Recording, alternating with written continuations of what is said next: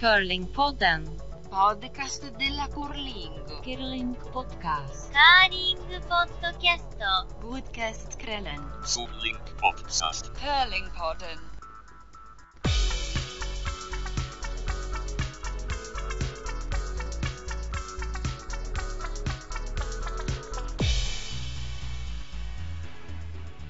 Ja, välkomna alla lyssnare till Curlingpodden som är tänkt att angripa curlingen från lite olika vinklar.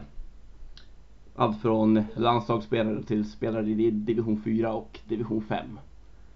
Eh, Jag som håller i podden heter Fredrik Nyman och eh, jag spelar elitserie curling med eh, lag Eskilsson från Skellefteå från och med i år då.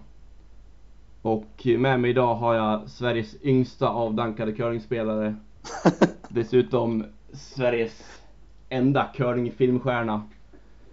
Och det ryktas, går även rykten om att han har skjutit en curlingsten i Härnösands curlinghall som har hoppat på hacket och landat på sargen. Eh, Marcus Hasselborg är det alltså. Ja. Välkommen hit. Tack så jättemycket. Fin presentation Dinkel. Ja, den var perfekt va? Eh, bara för att tillägga så sitter vi ju nu, jag sitter just nu i Leksand och Marcus i, i Stockholm är det va? Jajamensan. Ja. Så vi, vi är med varandra på länk. Det inte ska bli för mycket av det. Eh, först och främst, är det, är det sant det här ryktet om curlingstenen? Alltså jag har ingen aning. Alltså jag, jag, eh, jag vet faktiskt inte. Men eh, det, jag tänker att det är bra i vilket fall. För om det inte är sant så betyder det att eh, det finns en mytbildning kring, kring mina takear och det uppskattar jag. Och är det sant så är det sant. Men jag vet faktiskt inte. Jag kommer inte ihåg. Ja, okej. Det känns som att det skulle vara en grej att göra kanske, men Ja, det kan, det kan ju ha varit någon annan också. Det kan ju ha varit Nisse eller, eller Niklas kanske. ja. Men det, ja, de säger att det är du. Jag vet inte var jag hörde från, kan det vara? Vi säger att det var jag. Ja, det var du. Du har gjort det, det är sant. Så passa från takarna. Eh, och vi börjar med det hetaste just nu som verkligen har blivit hur mycket som helst med efter säsongen tog slut och det är silly season, alltså lagbyten. Mm, just det. Och det har ju varit väldigt många i, bland elitserielagen i alla fall.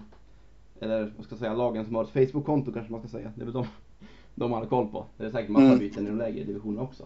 Men Mm. eh, om man ska gå igenom alla så kan vi börja på damsidan då. Där Ja. Det största måste vara att först att Almarks har lagt ner Absolut. och sen att eh, Cissi ska börja spela med Sigfridsson. Ja, verkligen. Eh, Ja, vad tror, vad tror du om det? Jag tror att, eh, jag tror att de kommer bli asbra.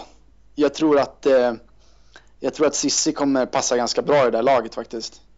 Eh, och jag tror att hon påminner ganska mycket om Maria Prytz som spelartyp faktiskt. Mm. Om jag vore sportchef och skulle värva en spelare för att fylla tomrummet efter Maria Prytz så, och, och letade en liknande sp- spelartyp så skulle jag nog eh, titta åt Cissi Östlund ganska snabbt tror jag. De påminner om varandra tycker jag. Teknikmässigt, eh, båda lite lågmälda sådär fast eh, men ändå med attityd. Eh, och eh, skickliga på att spela. Så att, eh, jag tror att de kommer vara jättebra. Och så är det alltid där också när man får in lite ny energi i ett lag. Framförallt som har harvat på ett tag. Mm. Eh, så, så blir det bra utav det också. Så att jag tror att de kommer vara skitbra. Ja, jag har, jag har inte sett henne spela så, men du har väl, ni är väl är ni typ lika gamla eller? Jag, vet, jag har inte riktigt koll på åldern. Eller? Jag vet inte exakt. Jag, jag tror att jag kanske är lite äldre. Ja, Eh, men eh, jo, men jag har väl sett henne spela sen, sen länge tillbaka. ja. Jag tänkte att första gången jag riktigt såg henne spela mycket, det var i år på SM första gången jag såg det liksom live och tänkte på det. Då var det ju, hon var ju riktigt grym då i alla fall. ja, verkligen. Verkligen. Så det, det ser bra ut. Sen har vi väl Maria Prytz flyttat vidare som coach till, eh, eh, vad heter, vad heter syrrans lag? Heter de Team HF fortfarande? Jag vet faktiskt inte. Lag Hasselborg i alla fall. ja, jag tror att de heter Lag Hasselborg. Ja. Faktiskt. Jag tror det. Det borde jag ju veta faktiskt. Ja. Men jag vet inte det. Jag snackade med vi var ju på landslagsläger för två veckor sedan. ja, just det. Det var du som eh, fick henne att eh, dra av baksidan hörde jag. Ja exakt, vi hade stafetttävling jag och Sara McManus Ah. mot eh, Gustav Eskilsson och Anna. Och jag kom ikapp med det in i kurvan och sen tog hon ut extra och drog baksidan. Jag, jag vet inte vad som hände. Ja, men det är inte så farligt. Alltså hon, hon kommer kunna springa om en vecka skulle jag gissa. Men hon gnäller skitmycket över det där. Hon är hon, hon är nästan lite stolt sådär att hon har skadat sig tror jag. Är det så? Ja, lite så. så jag Jag tror, känner- du, jag ska, du lite ska inte vara för... Jag hade lite dåligt samvete efteråt. Där. Nej, nej, nej. Jag fick gå och hämta, hämta mat och i matsalen och sådär. Ja. Det var fint. Ja, men Maria Prytz i alla fall som coach, det var... Jag trodde att hon liksom hade lagt av helt ja. Att eh, nu var hon färdig med curling, men det, ja. så var det inte. Nej, var intressant. hon fick ett erbjudande hon inte kunde motstå. Nej, exakt. Det vara st- stora pengar där va? Eller hur? Ja. Eh, sen har vi Lag Pantera har ju Johanna Höglund slutat och eh, Almida Deval har gått in där. Mm. Där har vi jag De- kanske bättre koll. Jag vet inte hur bra koll du har på dem. Men... Alltså jag måste erkänna det att alltså jag, har, jag har pinsamt dålig koll på de här, den här curlinggenerationen som är, som är ett decennium yngre än mig. Ja, Jag vet, jag vet att de finns där. Ja, men lite, lite så, din generation. Så här. Jag, jag vet hur ni ser ut. Jag vet ungefär vad ni heter. Eh, och jag har uppfattat att ni är många gånger bättre än mig själv. Eh, ni är skitduktiga, men jag har inte jättebra koll på exakt vilka de här är. Jag blandar ihop dem hela tiden. Framförallt det här, de här tjejerna som spelar i de här lagen. Jag har jättesvårt att hålla isär dem. Ja. Eh, så jag, jag, vet faktiskt inte riktigt vem som är vem där. Du Vem, har- vem du, sa har- det? Du har koll på skipprarna typ? Är, är det på den Ja men typ, alltså Ja. typ skipprarna har jag koll på. Eh, hon spe, Almida spelar i alla fall i Göteborg med Greta ja. lag förut då. Team Just ja. heter det va? Just det, De det är någon har- av dem ja. De har ju splittat upp nu. Så Almida spelar ju, hon ska gå in och spela tvåa nu med Pantera. Ja. Som Johanna spelade förut. Var, varför, varför splittrades de då? Eh, det vet jag faktiskt inte helt säkert. Jag tror att, alltså vad, vad det känns som är att det är lite olika ambitionsnivåer på Okej, hur mycket de vill lägga, lägga ner. en klassiker. Ja, det är väl, det är väl, samma, det är väl alltid det nästan. Eller? Jag vet inte Mm. om de kom så dåligt överens. Det var, ja, jag vet inte. Jag inte helt insatt i det faktiskt. Nej. Det blir, sen är Almida junior, hon är väl lika gammal som alla de andra laget tror jag, född samma år till och med. Okej. Så att de är väl junior, juniorer två år till också. Mm, Så det, det var viktigt tänker jag. säkert. Yes. Sen Fyris också. Donald Davis har väl splittat upp sig. Och det jag vet är väl att Tove Lundman och eh, Johanna Helin är väl kvar, eller man ska säga kvar. Fortsätter med ett nytt lag med Camilla Schnabel och eh, Sara Pengel från Ja, Så Camilla hon spelade med Gretas lag förut då, i Göteborg. Och eh, Sara spelade med Therese Westman, Anettes dotter där, förra året. Just det. Men alltså visst är det en ganska stökig silly season på, på damsidan? Ja, Eller mycket har jag kort minne? Jag tror, har väl inte alla lag har väl gjort någonting? Vad beror det på? Alltså beror det på att, eh, att det blir liksom ringar på vattnet? Att något lag splittras av någon anledning och så, och så sugs det upp spelare åt olika håll och så skapar det vakuum i andra lag som måste fyllas. Ja, om man tänker hur det har blivit det så är det ju... Ahlmark sa ner, det hade väl inte med någon annan att göra vad jag vet i alla fall. Nej, Och eh, de la väl av innan Maria gick ut när de slutade också. ja, är jag inte helt säker på om det var någon snackade innan men de säger att de inte har gjort det i alla fall. jag tror att det var så. Ja, och sen så däremellan känns det inte som att det var så mycket som hörde ihop. Eh, Pantera det var också, det hade inte något med något annat lag att göra heller egentligen. Nej. Och inte Fyris heller. Så du, du förkastar min ringar på vattnet-teorin alltså? Ja, eller jag hade kanske, du, du tänker att det var så här att ah, nu har ju de bytt lag så då måste vi också göra något liksom. Ja, precis. Ja, jag vet inte, det kan ha någonting med att de verkar att nu satsar de här så ska vi också satsa men Ja. nej jag vet inte. Det är, tycker det är sjukt bara att allt händer på en gång. Mm. Ja det är väl damsidan. Och ja just det, Sandra Flyg kommer igång med ett nytt lag nu också. Det Just det, de, de här äh, vin, vindrickartanterna. Ja exakt. Så, sen är Johanna med där också, hon är väl 20. Okej, Hon- så hon åker med tanttåget. Om du är den yngsta avdankade så får hon bli den yngsta tanten. Ja, precis. Ja det, det är sko- skoj att de spelar. Men alltså det, är näst, alltså det är nästan det lagbygget som jag välkomnar allra mest utav alla de här nya. Ja det är Alltså det behövs. Alltså om det är någonting som behövs i svensk damcurling så är det ett, så är det ett, eh, ett avdankat damcurlinglag. Ja, ja. Som, som spelar curling eh, som post-elit eller vad man ska kalla det. Sandra har ju fått barn också. Eh, och, och som gör det för att de tycker att det är kul och, och älskar, älskar tävlingen, älskar kampen, älskar liksom älskar, älskar att spela curling. Alltså, Det är någonting som verkligen behövs i damcurling. Jag, jag har intrycket nästan att, att eh, när damcurlare liksom slutar, då slutar de lite för gott. De kommer liksom inte tillbaka på samma sätt som, som gubbar gör. De, de, de kan liksom män kan börja och sluta spela curling ganska många gånger under en curlingkarriär medan jag bara får känslan att för kvinnor är det mer liksom det är av och på. Ja, men det Eh, när, man, när man är av så är man av, då kommer man liksom inte tillbaka riktigt. Nej exakt, jag vet inte hur det ser ut. Kanske Det finns så många fler herrspelare också men Old Boys SM är mycket större för herrar också till exempel. Mm, så är det. Sen det är väl bara Anette och syrran spelar ju fortfarande. Mm. Det är väl typ det enda, jag vet inte om de, om de kallar sig för avdankade eller inte. Det vet jag inte vad de vill bli kallade. Ja. Nej, Jag, då, jag, då kallar dem det jag det. Ja. Får vi se vad de säger. ja. Ja men exakt, det blir enda, vad ska man kalla det? Enda breddlaget eller något sånt där. Ja, men, ja, men lite åt det hållet. Ja, Jag välkomnar ja, ja det ska. Jag tror jag är färdig med damsidan där va? Eller jag, Ja, jag tror vet, det. vet inte om mer lag. Nej, jag tror inte det. Nej. Sen eh, här sidan då börjar vi med den största bomben. Det är såklart att jag har bytt lag till Eskilsson. Det måste det vara. Ja, det, det första sidestoff. Försökte vara den största bomben. Sen kom ju Ja, kom Christian och Rasmus och förstörde allting. Ja, verkligen. Det måste kännas surt för dig. Du hade ändå lagt upp det för ett bra drama liksom. Ja, så det var ju huvudsaken med bytet egentligen. Det var ju bara att skapa rubriker Precis, publicitet. i det stora curling-Sverige. Exakt. Men ja, det är, att jag har bytt det är väl inte så intressant. Det, Men jag tycker det är intressant.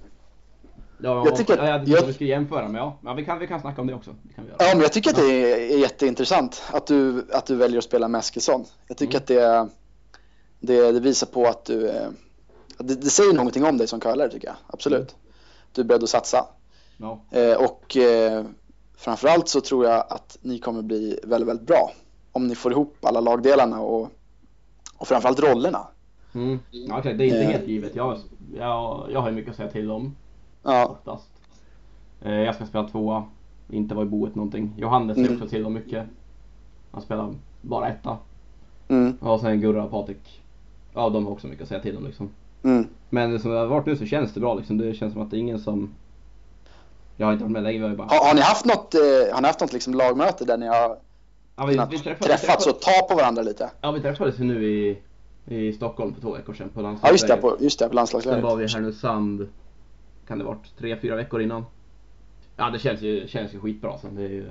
Hur, hur gick det på fystesterna då? Hur, hur, var, hur var fys under ett pass? Var bänka pass? Eh, bänken, jag tror att det var...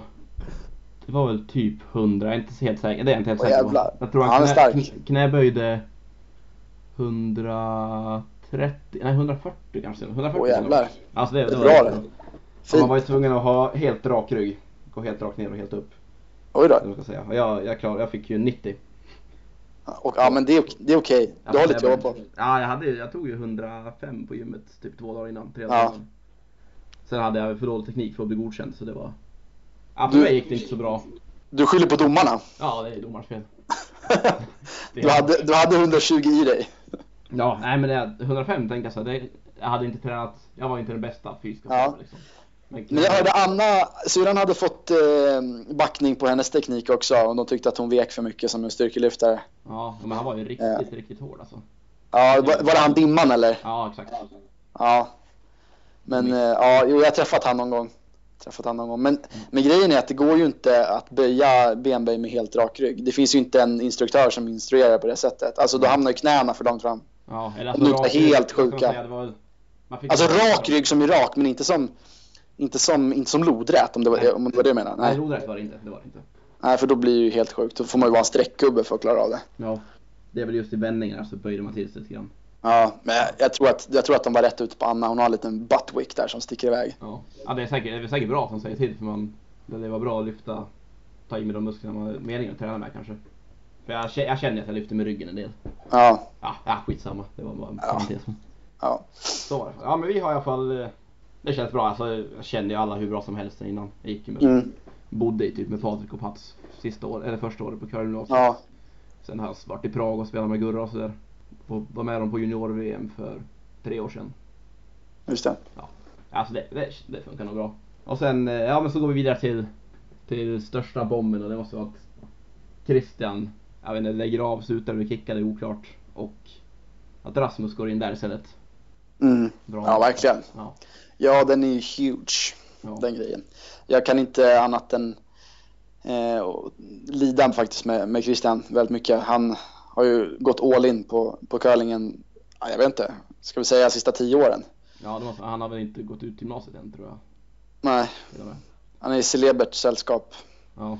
Med de utan slutbetyg från curlinggymnasiet. Ja, nej, men exakt. Men han, det, jag menar, han satte sig tidigt från start. Ja. Det var bara curling han har. Ja, verkligen. Det tråkigt att han ska få en, få en skada och så här och, eh, och, och, och tvingas, tvingas kliva. Mm. Ja, inte kul. Han är ju en riktigt skön person också liksom. Han är... Verkligen. Vill, vill att det ska gå bra för honom. Ja, men verkligen. Det Verkligen. Ja, ja, det ska bli väldigt, väldigt spännande att se för att jag, alltså min, min tolkning lite utifrån sådär, jag har inte sett Niklas jättemycket ärligt talat förutom de gånger han har varit i Sverige och spelat eh, och det som sänds lite på internet. Men jag får intrycket ändå att eh, Christian har haft en ganska betydande roll.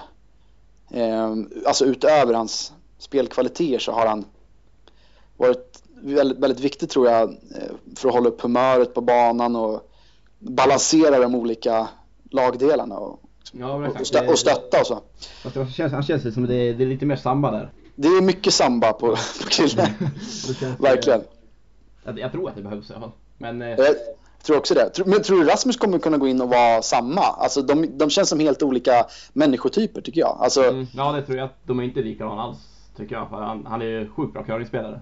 ja, alltså båda är ju gudabenådade Ja. curlingspelare utan tvekan. Det, det har, det, där har jag ingenting att säga. Men, men liksom personlighetsmässigt, liksom, eh, Rasmus och Christian, de slår mig som två ganska olika personer. Ja, det var det. Alltså jag spelade med Rasmus i år.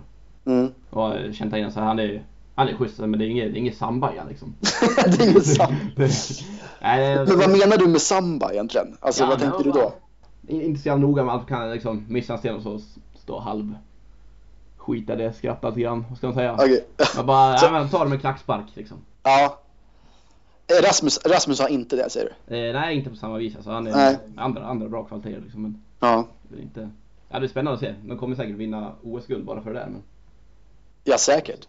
Jag tror att om de får, jag tror att om de får en bra start nu i höst Mm. så tror jag att då kan det bli riktigt, riktigt bra. Alltså det är så otroligt mycket curlingkompetens i det här laget nu. Eh, och får de bara ihop det så kan det gå riktigt långt. Men sen, sen är det väl ingen hemlighet heller att för att nå de högsta placeringarna på ett OS så är det helt enkelt inte bara det är inte bara skills utan det, är ganska, det, är en, det finns en turfaktor också. Eh, det är bara att titta på hur, hur grabbarna tog sin, eh, sin OS-medalj.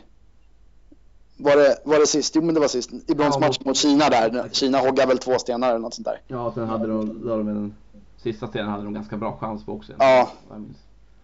Det är liksom, och det där är såna grejer som, som inte går att träna sig till tror jag. Alltså det är en OS-bronsmatch, det står hur mycket som helst på spel och helt plötsligt, plötsligt så släpper man över hogg.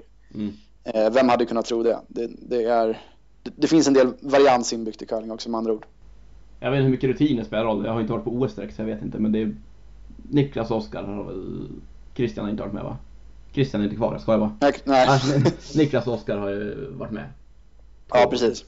Det, ja, det Jag, kanske jag, räcker. jag tror att Niklas, jag tror att det kommer räcka. Alltså den, Mm. den rutinen som finns i, i, i Niklas numera och även hos Oskar, den kommer räcka för att, för att bära, eh, bära Rasmus och, eh, och eh, även Krippas brist på just OS-rutin. Sen är Krippa hur rutinerad som helst när det kommer till internationella mästerskap. Men Mm. jag inbillar mig, jag har inte varit på ett OS, men jag inbillar mig att ett OS ändå är, är lite annorlunda. Ja. Podcast della Curlingo. Går vi vidare till nästa punkt som jag, jag, jag tycker är riktigt spännande. Det är uttagningssystemet. Hur det ska hur det ser ut nu och vad, vad, vad du tycker och jag tycker skulle vara Mm. det mest optimala sättet att, att utforma det på. Mm. Och då är det alltså uttagningssystemet till EM, VM och ja, OS också. Men jag tänker främst på EM och VM. Vilket lag som Mm. ska spela och hur, Mm. jag vet inte hur länge vi har haft systemet som är nu. Sen två, säsongen 2000, vad är det? 9, 10 tror jag, om jag inte minns fel. Sista, eh, jag tror det. Jag tror att SM 2009 var, var det sista normala SM. Men jag kan ha fel, jag kommer inte ihåg. Mm. Eh, SM 2008 i alla fall var som vanligt, för det var ju då Mini de vann. Eh, och sen eh, tappade Sveriges VM-plats där och så blev det kalabalik i, i, eh, i svensk curling. Då, det, blev, det blev året efter som de ändrade direkt eller? Eh, ja, jag, jag tror det. Nej men det måste ihåg. varit ett år till ett mellan förresten? För Nisse och Per och Cassén vann väl De spelade i VM 2010 Det stämmer. Och de Det inte. stämmer. Ja, Ja, det stämmer. det måste, det, det måste vara sista året. det var sista gången. Det Ja. stämmer. Ja, som jag tycker nu tycker jag inte är helt optimalt, men det beror på vad man vill med det också. Nej. Men det, det man måste börja med att och klargöra när du ställer den här frågan. Du ställer frågan hur bör ett svenskt uttagningssystem se ut? Eh, det man måste börja med att klargöra innan man svarar på den frågan eh, det är vad som är målet. Vad ska det här uttagningssystemet vara bra på? Ja, Den, den frågan måste man svara på först. Och, eh, och den frågan finns det ett svar på idag. Och, och det är ta medaljer. mm. Alltså ett uttagningssystem, det här är underförstått idag. Ett uttagningssystem syfte är att skapa så bra förutsättningar som möjligt för att Sverige ska ta medaljer på internationella mästerskap. Och jag tror att den här, jag tror att den, den idén, den har inte alltid funnits i svensk curling tror jag.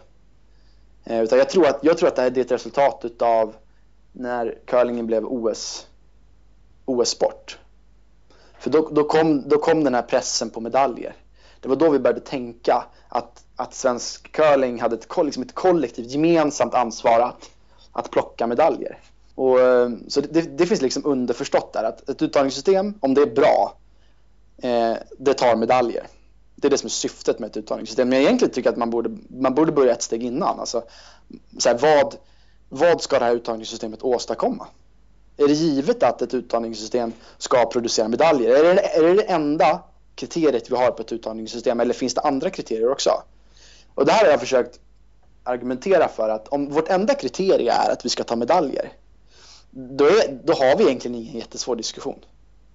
Därför att då kan vi bara plocka ut de absolut bästa spelarna, ge dem alla resurserna eh, och till slut så kommer det skapa medaljer. Jag, jag, jag, tror, alltså jag, jag, jag tror att om vi vill ha medaljer så kan vi göra på det sättet. Det kanske kommer bli en, en mellanperiod ibland för att vi inte kommer ha någon återväxt. Men, men i det stora hela så kommer vi hela tiden lyckas producera medaljer. Eh, de kommer vara ganska dyra. Liksom. Men, men om det är det enda kriteriet Mm. så tror jag att vi kan göra på det sättet. Om vi skulle följa den principen rakt ut. ja, för då behöver vi egentligen bara åtta curlingspelare i Sverige som Ja. vill spela liksom. Precis. Kanske tio. Kanske Ja. tio, kanske elva. Att man har någon reserv och en liten liksom, en konkurrenssituation. Mm. Eh, eh, och då, då skulle du få en medalj som, eh, som per spelare kostade ganska mycket säkert.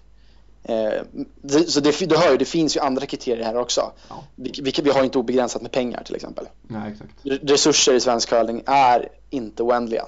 Utan vi måste hushålla med dem. Mm. Och så finns det andra kriterier också. Det finns, det finns kriterier om att det ska upplevas som skäligt. Alltså, att uttagningssystemet ska upplevas som, som schysst. Alltså att det finns, eh, att alla har liksom eh, möjligheten att, att nå toppen. Det skulle ju, det första jag nämnde rent teoretiskt då, det skulle ju skärma av ganska många om man var ute och handplockade spelare för att skicka iväg till, till, till Kanada liksom. Alltså, som någon slags kinesiskt system. Ja. Så det finns ju någon tanke också om att det ska vara, att det ska vara rättvist eller något sånt där. Mm, exakt. Mm. Och just nu, jag tänker nu, just nu är systemet ut så att det är Just i år då kommer vi ha, då går man på världstour-rankingpoäng. Och, eller först måste man kvala in till landslaget genom att vinna SM elitserien. Mm. Eller bli wildcard-plockad då av förbundskaptenen. Och sen det laget som har flest världsrankingtourpoäng vid- till ett visst datum som får spela EM och samma sak för VM då. Precis. Och det känns ju som att det man har försökt, man har försökt ha lite rättvisa kvar, vad ska man säga. Samtidigt försäkra sig om att få det bästa laget ändå. Mm. Det, jag menar Ja. att vi, vi ska, när vi väljer uttagningssystem, ska göra det efter dels efter vilket system som kan producera medaljer. Därför, därför medaljer är, eh, det är ändå ett, ett medel för svensk curling att, att visa sig. Eh, även om vi inte har ökat jättemycket i medlemsantal så, så har de här OS-medaljerna som Anette har tagit har satt svensk curling på mediekartan i Sverige. Alla vet vem Anette Norberg är. Alla människor idag, nästan, nästan, nästan alla människor man träffar har någon gång testat och spelat curling. Eh, dock så har vi inte ökat särskilt mycket medlemsantal. Men så det finns ändå en poäng med att ta medaljer. Alltså det är ett slags medel. Ja, ja det Eh, är det är ett slags medel. Men det, det jag har hävdat är att, är att medaljer är inte ett, det är inte ett mål. Alltså det är inte ett mål i sig. Alltså medalj gör inget gott eh, för mig annat än i stunden då jag liksom tittar på Anette och blir jätteglad när hon vinner. Men, men sen, den känslan går över ganska fort. Liksom. Ja. Eh, och för de allra flesta så betyder OS-medaljen eh, egentligen bara någonting för de som, som tar den och då kanske anhöriga runt om också. Men för alla andra så är det ett medel. Ett, ett viktigt verktyg men, men ändå bara ett medel för att nå liksom, ett annat mål. Och, och jag menar att, att, att curlingen har, har två mål. Och det, här, det här målet delar curlingen med egentligen alla andra, id- andra idrotter men i och med att jag är curlare så jag, lutar jag lite åt, åt curling. Jag vill curlingens bästa. Så curlingen ska öka medlemsantal. Det är viktigt. För att jag som curlare menar att curling är en eh, det är den vackraste sporten. Alltså det, det är den bästa sporten. Den, den, eh, den premierar egenskaper hos människor som, som vi värdesätter i övrigt. Alltså curlingen premierar fair play, eh, liksom gentlemannamässighet. Alltså, eh, och man måste vara slug, man måste vara en duktig taktiker, man måste vara även, även fysiskt duglig. So, att sopa är jobbigt och så vidare. Eh, så det är liksom en, en, väldigt komplett och eh, dynamisk sport. Eh, därför ska vi sprida curlingen. Men ett högt medlemsantal ger absolut ingenting om vi inte har medlemmar som är aktiva. Nej. Alltså det är som att bjuda in till en jättestor fest eh, och sen så kommer det in massa männi- människor men vi har ingenting att bjuda på. Det finns ingenting på borden. Det finns ingen musik i högtalaren. Det är helt tomt. Man får gå in bara i lokal. rummet och... Ja, precis. precis. Så våra medlemmar måste vara aktiva. Mm. Våra medlemmar måste tävla. Och det är också det som ger curlingen liksom, dess existensberättigande. Varför ska vi skänka massa skattepengar till, till, till svensk idrott? Alltså curlingen får ju skattepengar. Mm. Eh, och och varför, varför ska vi gemensamt finansiera det här? Jo, det ska vi göra för att då får vi tävla. Tävla i curling. Det, det är det enda, tävla i curling kan man bara göra i en curlinghall. Och det är det som är curlingens liksom, särmärke. Det är det som utmärker curlingen gentemot andra aktiviteter. När vi tävlar i curling. Det låter ju banalt, men Mm. det är enkelt liksom. Ja. Så när, när vi väljer ett uttagningssystem så måste vi ta hänsyn till de här principerna. Vi måste, ha ett, vi måste ha ett system som tar hänsyn till principen om att vi vill ha medaljer. Och vi måste ha ett system som tar hänsyn till principen om att vi ska tävla. Vi ska tävla om det för att det är det som är idrott. Att hålla på med idrott är att tävla. Ja. Det är att stå öga mot öga med en motståndare och i slutändan så finns det bara en kvar. Mm. Det är liksom kärnan i idrotten. Det måste vi göra. För an- för annars håller vi liksom inte på med idrott. Så vi måste tävla om det Mm. för att få fram den bästa. Ja, exakt. Och det, Ja. kan man, och det kan vi göra på olika vis också. Tävla om det, precis, och det kan vi göra på olika vis. Och, och tidigare så, så hade vi ett system, alltså innan 2010 då, så hade vi ett system som, som bara tävlade om det. Det var, det var så avskalat det kunde bli. Det var vem som helst kunde signa upp ett lag till DM, RM, SM. Vem som helst hade i teorin, om man var medlem i Svensk Curling när säsongen började, så, kunde man ha, så hade man möjligheten att på hösten eh, därefter representera Sverige på, på ett EM. Ja. Så det var, liksom, det var liksom i andra änden utav spektrat. Alltså vi har gått liksom, pendeln har slagit hela varvet, alltså, om man kan uttrycka sig så. Vi, vi fick ett system som, som är den exakta mot, motsatsen. Eh, och jag menar att pendeln skulle behöva slå tillbaka lite här. Alltså, Ja.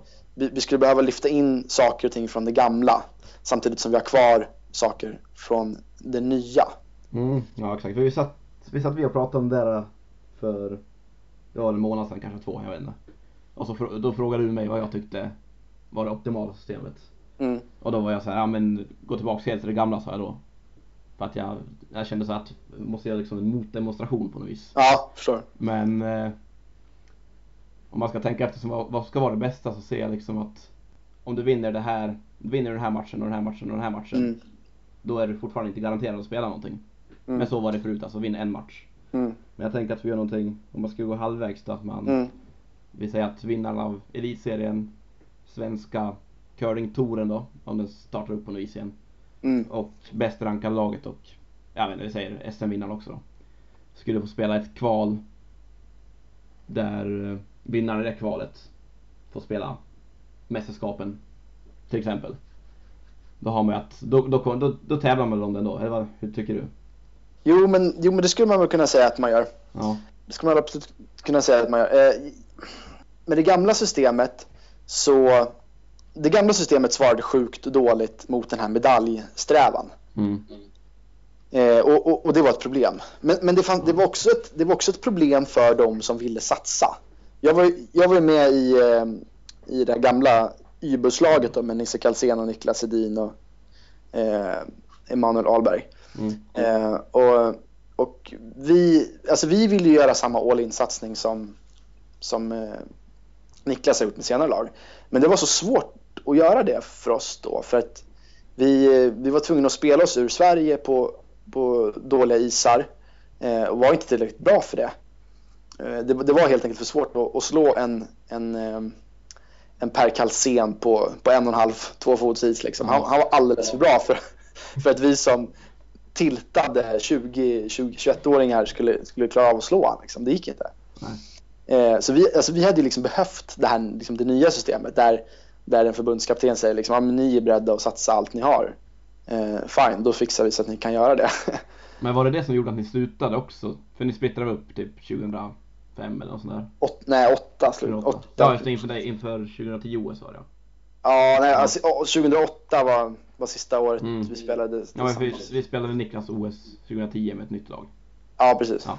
Ja. Men var, var, det, var det därför ni splittrade upp?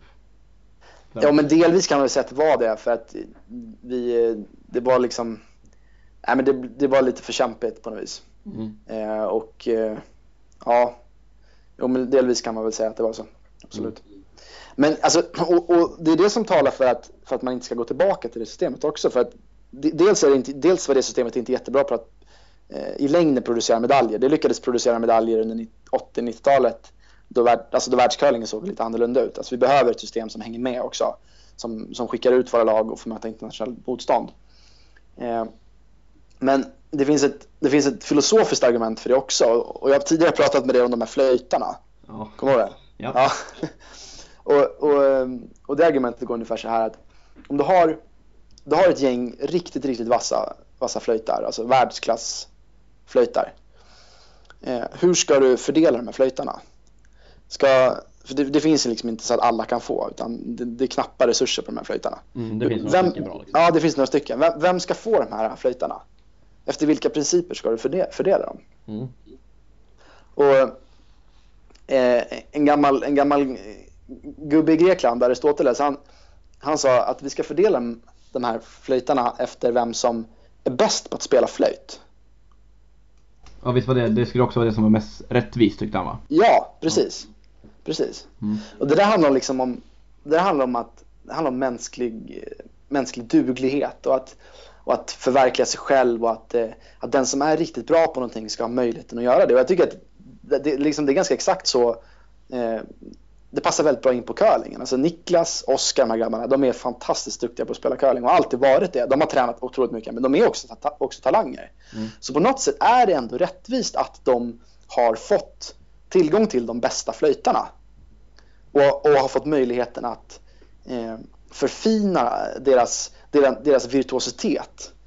Deras, eh, Vad betyder deras, det? Ja, men alltså, deras förmåga att utöva eh, sporten curling till perfektion. Ja. I, I mina ögon så är de virtuoser. De är som, de är som, eh, de är som eh, skådespelare på en scen eller som en sjukt duktig gitarrist eller flöjtspelare. Mm. Liksom det, det är vackert när de spelar curling. De är så duktiga. De kan göra så sjuka grejer med stenarna, med kvastarna, med skippningen. Alltså de, är, de är virtuoser. Ja. Eh, och på något sätt så finns det en rättvisa i att de bästa flöjtspelarna ska ha de bästa flöjtarna. Så på något sätt finns det också eh, liksom ett filosofiskt argument för att, för att vi eh, har ett system som, som inte är det gamla systemet där vem som helst kunde sätta ihop ett lag eh, och, och nästan samma år, säsongen därpå, liksom har möjligheten, eller samma säsong om det var VM, ha möjligheten att representera Sverige. Så det finns också någonting som inte bara, alltså ett, som inte bara är ett funktionsargument, alltså bortom de här medaljerna. Eh, som talar för att vi ska hitta något slags mellanting mellan det vi hade under 70-, 80-, 90, eh, tidigt 2000-tal och det vi har haft idag. Alltså, någonting där mittemellan tror jag, tror jag skulle vara väldigt bra. Mm. Sen, alltså, sen är inte jag, alltså du hör ju, jag är inte den personen som kommer komma med ett konkret förslag. Så här, vi, ska ha, alltså, vi ska ha en så här, spela pool, bla bla bla bla bla bla, bla. Så här, jag är inte den personen som kommer komma med det konkreta förslaget, det får andra göra. Men, men, men jag tror att alltså, vi måste vara noggranna med att klargöra efter vilka principer systemet ska svara mot. För annars famlar vi bara i mörkret eller svarar efter principer som vi inte har uttalat för oss själva. Mm. Så jag tror att det viktigaste är att vi liksom klargör så här. Vad ska systemet göra? Vilket syfte, vilk, vilken funktion fyller uttagningssystemet?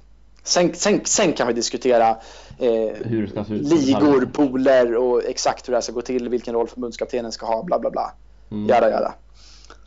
Men jag tänker det kan inte varit så mycket Du är den första som jag har hört som har diskuterat på det här viset liksom Jag vet inte hur många som har diskuterat så här i curlingförbundet innan, det tror jag liksom inte Alltså de, de flesta människor agerar efter, efter principer som de inte själva är medvetna om. ja. Man, det, liksom, det flyger in någonting i örat och så blir det kvar där. Och så tror man att, man, så tror man att det är helt självklart eller att, eh, eller att man alltid har tyckt så. Men, men det kommer alltså, det kom ju någonstans ifrån. Och jag tycker Mm. det här är ett ganska bra exempel på det. Jag tror att, jag tror att OS och, och, eh, är en ganska bra, eh, ett bra exempel på det faktiskt. Hur, hur, hur eh, Svenska curlingförbundet har kommit att allt mer inrikta sig på att försöka ta medaljer. Liksom, för man ser att det fyller en funktion för någonting. mm. Podcast della Curlingo.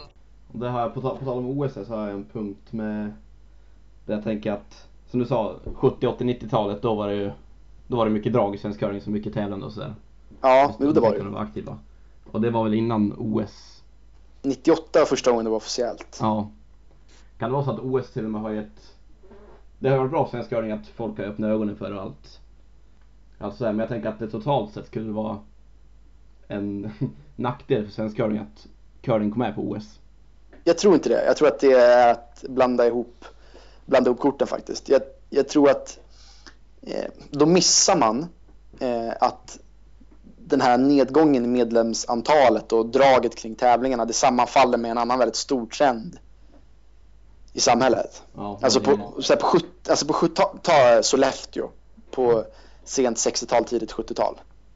Hur mycket Mm. fanns det att göra i Sollefteå på 70-talet? Ja, det fanns inga smartphones va? Ingen... det fanns inga smartphones liksom. Eh, farsan växte upp där ja. och han bodde där. Och det var, och det var ju liksom, du fick ju kvala för att ta dig ur junior-DM. Mm. Alltså det var liksom, alltså det var typ så här 30 lag på, på junior-DM i Sollefteå. ja, det är sjukt. Det var, alltså det var helt sjukt. Men, och, och farsan har beskrivit det som en, att det var som, som en ungdomsgård eh, på curlinghallen och folk stod där och brommade. Men alltså många var ju dyngdåliga också och tränade inte curling och var liksom inte aktiva på det sättet. Eh, men det fanns inte så jäkla mycket att göra. Och, Mm. och, och, och svensk curling är inte, är inte ensam om det här heller. Jag har hängt, hängde en del på atletklubben, lyftarklubben i, i Sundsvall när jag bodde där. Mm. Och det är exakt, exakt samma sak där. Jag pratade med en gubbe där som hade jobbat med juniorverksamhet eh, sedan 80-talet. Och jag menar, han hade, han, när han pratade om det och de svårigheter som han mötte så, så kunde han lika gärna pratat om curlingen. Han lät precis som vilken trött juniorledare som helst som hade svårt att få folk att, att stanna, få folk att komma. Du vet. Mm. Eh, så det är samma sak där. Det finns, det finns, någonting, eh, det finns någonting större liksom, eh, i- samhället som gör att folk inte har lika mycket tid över till, eh, till idrott. Alltså folk gör andra grejer. Jag tror att det, det talar för att, att, eh, att idrotten, alltså för folk rör ju på sig skitmycket. Alltså aldrig någonsin har ju eh, Stockholm Marathon, Lidingöloppet, alltså de här motionstävlingarna som folk springer och åker skidor och cyklar och vad de gör. Så aldrig har det ju varit mer drag kring dem. Nej, och skillnaden, och skillnaden med dem det är väl att det är väl bara Det tränar man för en gång och sen är man klar. Jo men precis, alltså, alltså, folk gillar att röra på sig. Kanske, folk kanske aldrig har rört på sig så mycket som de gör, gör nu på det här sättet, även fast vi är inaktiva på andra sätt. Men, men det, här, det här talar också för att, att, att curlingen och idrotten måste, måste liksom hitta sin grej lite. Alltså vad är det vi kan erbjuda egentligen? För, om, för folkhälsa, det, det, kan, det, kan, eh, det kan vem som helst skaffa sig. Alltså hälsa, det är bara att köpa ett gymkort. Så, att, så att eh, curlingen måste liksom måste, måste verkligen komma på vad det är vi kan erbjuda.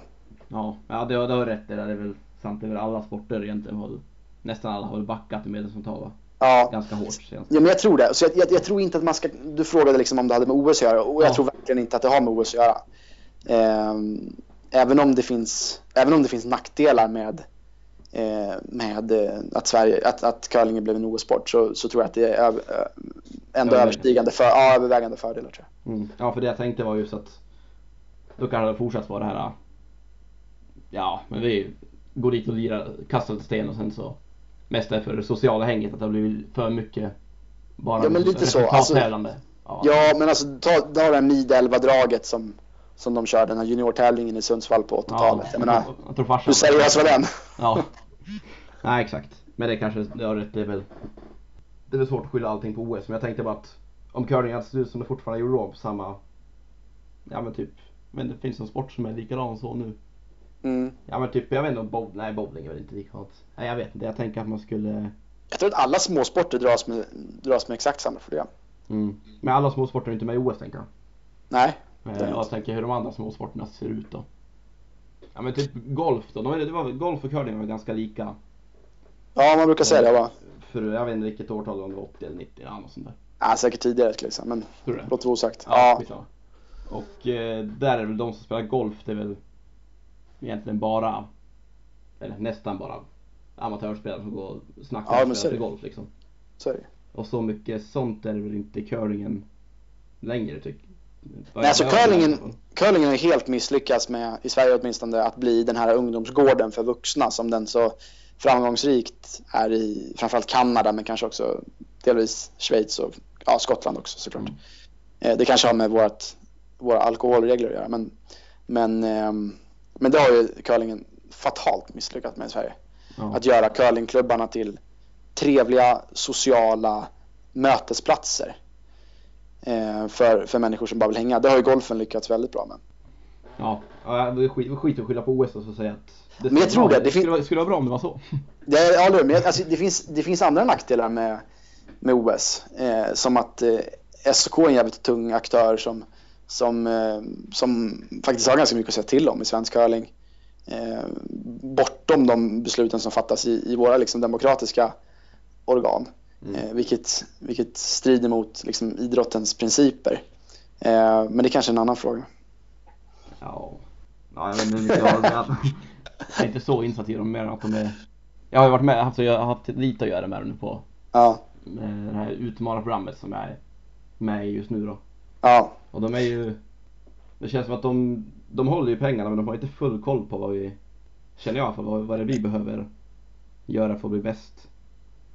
Så de, ska, alltså- de tar ut oss på träningstimmar och eh, fysresultat och fystester som Jag vet inte vem som har kommit fram till fystesterna heller, de är inte heller helt anpassade efter curling.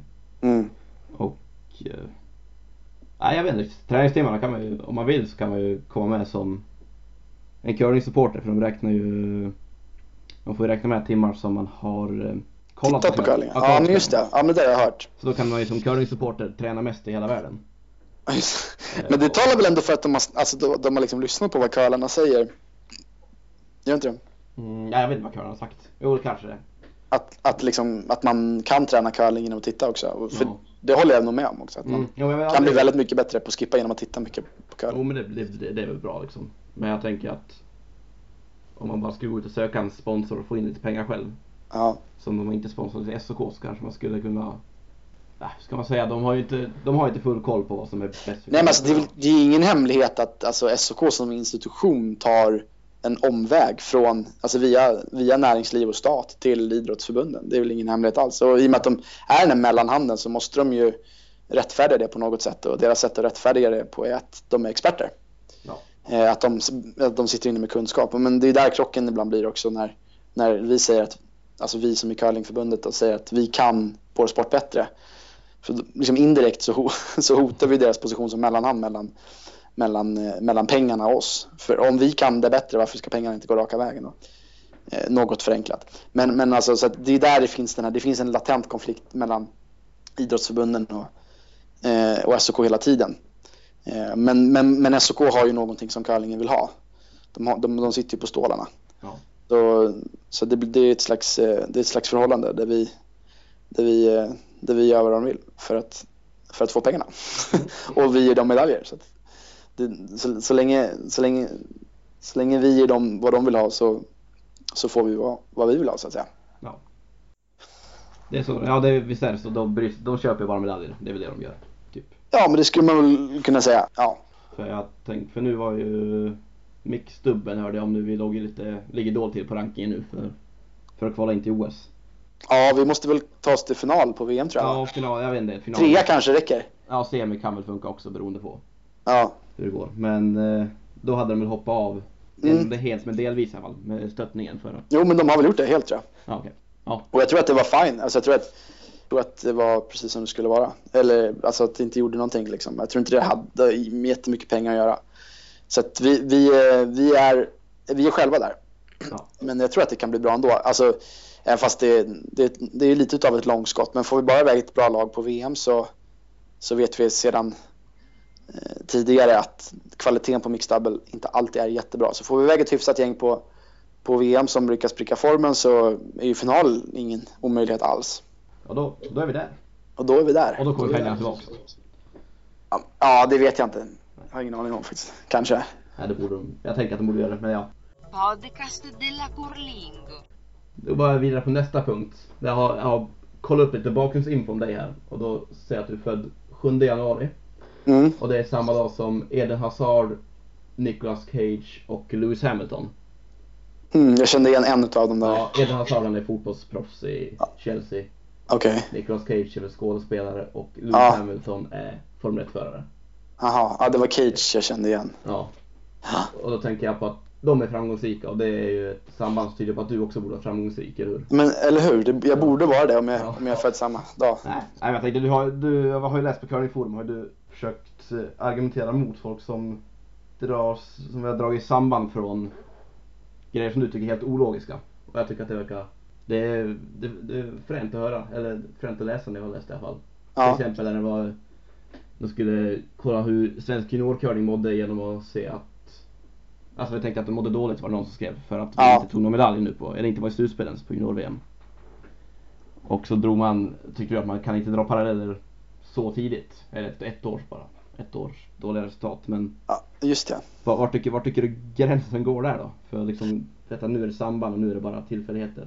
Det, det, var, det var den tråden som du sen skrev nå- någonting hilarious som fick typ så här 80 miljoner likes. Ja, jag skrev att det var, ja, ja, det var fyra, fyra gånger vi inte tagit medalj. Precis. Ja, typ 16, Det var, 15. det var ju den perfekta liksom, punchlinen för att, eh, för att förtydliga det jag försökte säga. Det var bara att du sa det så mycket bättre. Ja. Ja, det, var, det var väl någonting om att vi hade tagit medalj typ senaste, jag vet inte, det var 14 eller 12. Eh, Senaste Ja. 14 och 12 åren hade vi tagit medalj alla gånger. Utom de jag var med och ett år till. Mm. Och då var det ju, då var, då var det förklaringen att jag skulle sluta spela i landslaget så tar vi medaljer igen. Ja, precis. Just det. Ja. Just det. Jo, nej men alltså jag tycker att, jag, jag tycker att det är helt orimligt att, att dra för stora växlar på, för, på baserat på ett väldigt litet underlag. Alltså jag, och jag tror att alla som har liksom läst en eh, så här, de, de, de mest basala liksom, statistiska eh, kunskaperna som helst eh, kommer, kommer hålla med mig om det. Eh, det påståendet. Alltså, om, om du tittar på liksom ett, ett, en curling-säsong så vad har vi? Vi har några tävlingar. Vi har ett junior-VM, vi har ett EM, vi har ett VM. Eh, vi, vi har tre tävlingar och det är två, det är en, det är en dam och en herr- herrklass på varje. Det, det, Så det är sex det är tävlingar. sex tävlingar. Alltså det går liksom inte att dra några vidare slutsatser på det. Alltså det, det är ju alldeles självklart. Mm. Så, alltså sen kan man diskutera och, och liksom så här, vad, vad, kan det här tyda på någonting? Eller finns det någonting som skulle kunna förklara det här eh, på ett annat sätt? Liksom? Mm. Ehm, och, och diskutera. Men att, att dra, alltså generellt sett, att dra slutsatser om hur saker och ting är. Det tycker jag, man, alltså bara rent generellt, jag tycker man ska vara rätt försiktig med det. Ja. Det är mycket lättare att komma fram till hur någonting bör vara. Ja. Men att säga hur någonting är, det, det är väldigt, väldigt, väldigt svårt. Alltså det, är bara, det, är bara, det är bara att googla till exempel den här Wittgensteins duck. Känner du till den? Nej, vad, vad är det Nej, men det, är, det är en bild på en anka. Fast Ja, man ser en kanin och en hang- Ja, om du tittar lite annorlunda på den så är en kanin. Ja, just det. Så här. Det är omöjligt att säga vad det där är för någonting. Och Det finns andra exempel. På 9gag eller på Reddit eller vad det nu var så var, var det uppe det här tåget som du kunde styra. Alltså det åker mot dig på en perrong. Men med tankekraft så kan du styra det åt andra hållet. Ja. Alltså det är sjukt svårt att säga hur saker och ting är. Alltså det, det är assvårt. Eh, det är ingenting man, man kan göra genom att liksom klura lite. Eh, och, så utan så det behövs ganska ordentliga apparater för att säga hur någonting är. Och, och, och, och börja dra slutsatser. då utifrån eh, en säsong. Det är illa. Men att, dra, dra, att man utifrån de slutsatserna eh, då kommer med förslag till hur man ska förändra saker och ting. Det är ännu värre. Då, för då baserar man ju kanske en ny riktlinje som, som Svenska Curling sätter upp på ett helt felaktigt antagande. Och om antagandet är fel, vad är sannolikheten för att den nya riktlinjen kommer kunna åstadkomma någonting? Ja, det är sant. Det blir ju... Ja, Så- det kan, man kan ju ha tur att det blir rätt. Att, Ja, man kan ha, jo, man kan ha tur. Absolut. Så att det, det, det är ett bättre förhållningssätt tycker jag. Att, att vara ödmjuk när det kommer till hur saker och ting är. Och sen så sticka ut hakan när det kommer till hur man vill att saker ska vara. kommer jag inte ihåg exakt vad de tog upp där. Alltså de tog upp att svensk juniorcurling mår en dåligt liksom. Då hade man kunnat, om vi säger så här, när vi kollar på de senaste tio åren så har vi varit många färre lag som spelar junior-SM. Om man skulle dra några paralleller från det så skulle det kunna vara lite mer rimligt tänker jag. Jo, men det kanske det. Det kanske Ja. är. Är, det en, är det en rakt nedåtstigande? Ja, Trend. alltså det är väl något år har varit ett eller två lag mer än Ja. tidigare men jag vet när jag spelade i Karlstad första gången för 7-8 år sedan kanske, då var det Mm. trippelnock 16 lag. Mm. Och nu senast var vi 7 va? 7 Ja. eller 6. Men det, var ganska, det har varit ganska bra drag på yngre junior-SM va? De Mm, sista exakt, det kan väl gå upp igen. Och då är det bara, Mm. om det är 6-7 år så är det inte jättemycket, Mm. tänker jag. Ja. Och sen nu startar de upp det här uh, Nordic Curling Tour också, har du hört om det? ja, det är ett riktigt bra initiativ. Ja, det tror jag verkar svinbra. Med, James Dryberg som har dragit igång. med, skulle de ha lite off-ice grejer också i det faktiskt ja. På läktaren. Ja, exakt. Jag tror att James tänker helt rätt där. Han, han, du kanske ska prata med honom sen, men jag kan passa på att liksom promota det lite. Han har egentligen ett helt koncept som han, som han eh, vill sjösätta här med, ja, precis som du säger, eh, en, en, en off-ice-kultur också. Med eh, mycket betoning på sociala medier och möjligheten att skapa lite, lite buzz kring, kring det. Att det blir lite surr, att det blir någonting. Och Mm. Jag tror att det är helt rätt tänkt. För att det, det han gör egentligen då, även om det är virtuellt liksom, rum som skapas på de här sociala medierna så, så skapas det ändå en ungdomsgård. Och, och jag tror att det är precis det, det är precis som man måste tänka. Man måste skapa liksom en, en, en mötesplats för, för kids eh, att, att träffas och ha roligt, skoja, utbyta kontakter och eh, liksom, ja, ha roligt. Alltså det, det är då man blir hooked på curling tror jag. Ja men exakt, så var det ju, kommer Mm. ihåg när jag spelade första tävlingen var väl i Falun. Robin Ja. Hood-curlen. Ja, Som hade där var ju grym. Det var ju, jag tror det var lite yngre åldersgränsen på, alltså man fick inte vara lika gammal som alla andra yngre juniortävlingar. mm, Och sen var det typ såhär tre omgångars matcher eller fyra omgångars matcher och sen var det bara jippo med allting och det var det. Ja. Det är därför jag spelar nu liksom. Det är inte för, ja precis. det var inte för att Ja, jag men vann. då tänker han ju som man har gjort i golfen. Alltså så här, det är den här klubbhusmentaliteten. Att, att Mm. klubbhuset står för någonting. Ja exakt. Mm. Det var ju... Jag tänker efter, jag tror att jag kom sist första året, typ näst sist. Ja. Skulle man göra det och bara fokusera på resultaten hade man ju lagt av direkt. Ja. Tänker jag. Ja. Ja men det, jag tror det är svinbra. Ja, men jag hoppas verkligen att det, att det blir någonting av det där. För det behövs ju också det behövs ju resurser för att, för att få iväg lagen. Alltså det blir en del resavstånd och så här, så då behövs det att förbunden i de olika länderna skjuter till lite stålar. Mm. Så att eh, lagen kan, kan komma iväg. Och sen är det ju också bra att det blir som ett mellansteg till, det blir inte som en Europa Junior tävling. Samma Nej, kvalitet just kan det. jag tänka mig. Men det blir ju ett naturligt steg på vägen sen. Det är Ja. Ja. Riktigt bra. Podcast della Curlingo. Yes, och då går vi vidare på nästa punkt då. Det blir eh, en eh, lyssnarfråga. För alla tio lyssnare vad det kan vara. Men har du några lyssnare? Det här? Nej, ja, vi får dem snart. Ja. För, för, för er som lyssnar på det här. Eh, eller för dig som lyssnar på det får vi se. Ja. Så ska jag ha en tittarfråga när ni vinner. Nu till första gången så får ni glass från mitt jobb. Gårdsglass Leksand. Och då, får, då måste man komma och hälsa på mig också. För att få det här. Nej men det löser vi på något vis. Det blir i alla fall det är glass, två glasspaket, 500 ml står på spel i alla fall. Det är en Stadsrebus. Någon som gjorde jag och Mackan mycket nöje spela med varandra för, förra året. ja, det här är svårt. Och då ska man alltså, för att ta ett exempel så säger jag så här att rebusen blir asagud på fotframdel. Det blir alltså Toronto, asaguden är Tor, på är on på engelska då. Och fotframdel blir tå. Så det blir Tor on tå. Just det. Och Tor tå. den som jag skulle ha nu var då Luna Triss Sjöorm. Luna Triss Sjöorm. För, eh, får skicka in ett svar så eftersom det kommer förmodligen inte vara supermycket nu så får ni skicka in svaret till min Facebook eller på, på min telefon helt enkelt. Och så sätter vi sista datum om en månad då. Den eh, 8 juli. Så blir det drag, då blir ni tvungna att lyssna nästa gång också för att se om ni vinner. Jag, jag kan svaret Inkel. Kan du det? Ja.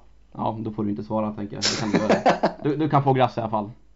Kan jag få det? Det kan vi lösa. Ja, fan bra. Yes. Ja men det är kul, det är en bra tittarfråga där. Lyssna-fråga menar jag. Eh, Podcast della Curlingo. Ja, då går vi vidare till, jag har bara en punkt till kvar på listan här och det är, det jag har skrivit är vad du skulle vilja förändra eller lägga till i svensk curling som inte finns än. Men Ja. jag tänker, har, har du något konkret eller har du, är det fortfarande... Jo men alltså, jo men jag kan försöka vara konkret. Alltså jag skulle vilja att, eh, ska jag säga, ja, men jag skulle vilja att vi tävlar mer. Jag vet inte exakt hur det ska gå till men jag skulle, jag skulle älska om vi tävlade mer. Och, jag, och som konkret så, så skulle jag vilja att, att, eh, att klubbarna blev de här ungdomsgårdarna, de här klubbhusen de, som vi har i golfen till exempel. Mm. Eh, ungdomsgårdar för vuxna. Eh, jag vet inte, jag vet inte om det var konkret nog. Jag kan inte göra så mycket mer konkret, konkret så tror jag. Du har ju sagt det innan i och för sig men det är... Ja, alltså om vi ska Det det gå lite mer konkret, så då är vi på nivå, du vet, så här, mjukklassmaskin typ. För det Ja, skulle ja, också vara ascoolt. Ja. En mjukglassmaskin i sumpan. Ja. Jo men det tycker jag väl, det är väl, det är väl vettigt det jag tänker också. Jag är avundsjuk på de som spelade på typ, ja det var inte så länge sedan, när du, när du var typ 20 då var det väldigt mycket tävlingar överallt också va? Som man kunde Det- ja, det var väl inte jättemycket, men det var ett jäkla drag fortfarande kring elitserien och SM. Alltså, det var, det var magi kring, kring de här SM och elitseriefinalerna. Mm. Ehm, och det, det var liksom som stormatcher. Alltså det var så här. När Per mötte, när per mötte Peja i, i någon elitseriefinal, då var det liksom som att ja, det var häftigt att titta på. Alltså det var, även fast det kanske inte alltid var jättebra spel så var det, man visste att det stod så mycket på spel. Det stod så otroligt mycket på spel, framförallt för Peja tror jag. Ja. De, som, eh, som ändå var elitkölare men som var tvungna att vinna de här matcherna Ja. mot. Per som var hur bra som helst. Och så och, och, och när det står så där mycket på spel, då blir idrott bra. Då, då blir all idrott bra att titta på. Det fanns, Jo, men det- liksom, det, det- fanns prestige, det fanns, det fanns spänning, det fanns allt. Ja för de, de mötte varandra ganska många, många finaler va? Ja, det var ett, ett gäng finaler. Ja. Ja för jag tänkte för vi spelade elitseriefinalen i år. Ja, hur var det då? Eh, Det var jag spelade med Zip-Up, då det var jag, Rasmus, Max och Jordan spelade finalen. Ja. Mot, mot Eskilsson då. Ja det var ju så här, ja, visst, man visste att den här har ju, den här matchen betyder ändå någonting. Det var så här, ja, förlorar vi så är det ju inte hela världen riktigt kändes som. Nej. Eh, Det är det kanske inte för någon heller men det var ju inte så här, ja det brann inte och speciellt, speciellt resten, alltså alla matcher innan fram till den här finalen. Mm. Kändes det bara som att man var där för att spela av den från, från alla lag egentligen. Så det, Men det är, väl, det är väl ingen hemlighet att årets elitserie har varit det mest avslagna året någonsin. nej det är inte. Ni var ju inte med. Edin var ju med förra året också va? Ja. Så då försvann det två, två riktigt bra lag liksom. Mm. Det var ju vi, Eskilsson och Melin som var riktigt bra. Kraupen var ju också heta i slutet där. Men annars var det inte, det var inget lag som riktigt satsade stenhårt annars. Nej, Så det var, nej. Men det, det, det skulle vara kul om det tävlades där också. Det ja, tycker jag. verkligen. Det är därför man håller på med idrott, är det inte det? Jo, det är det. Ja men då har du något mer att tillägga som du vill säga? Nej. Trevligt att prata med dig. Detsamma här. Ja. Jo då, menar eh, Ja men med det sagt så avslutar väl podden för den här gången då.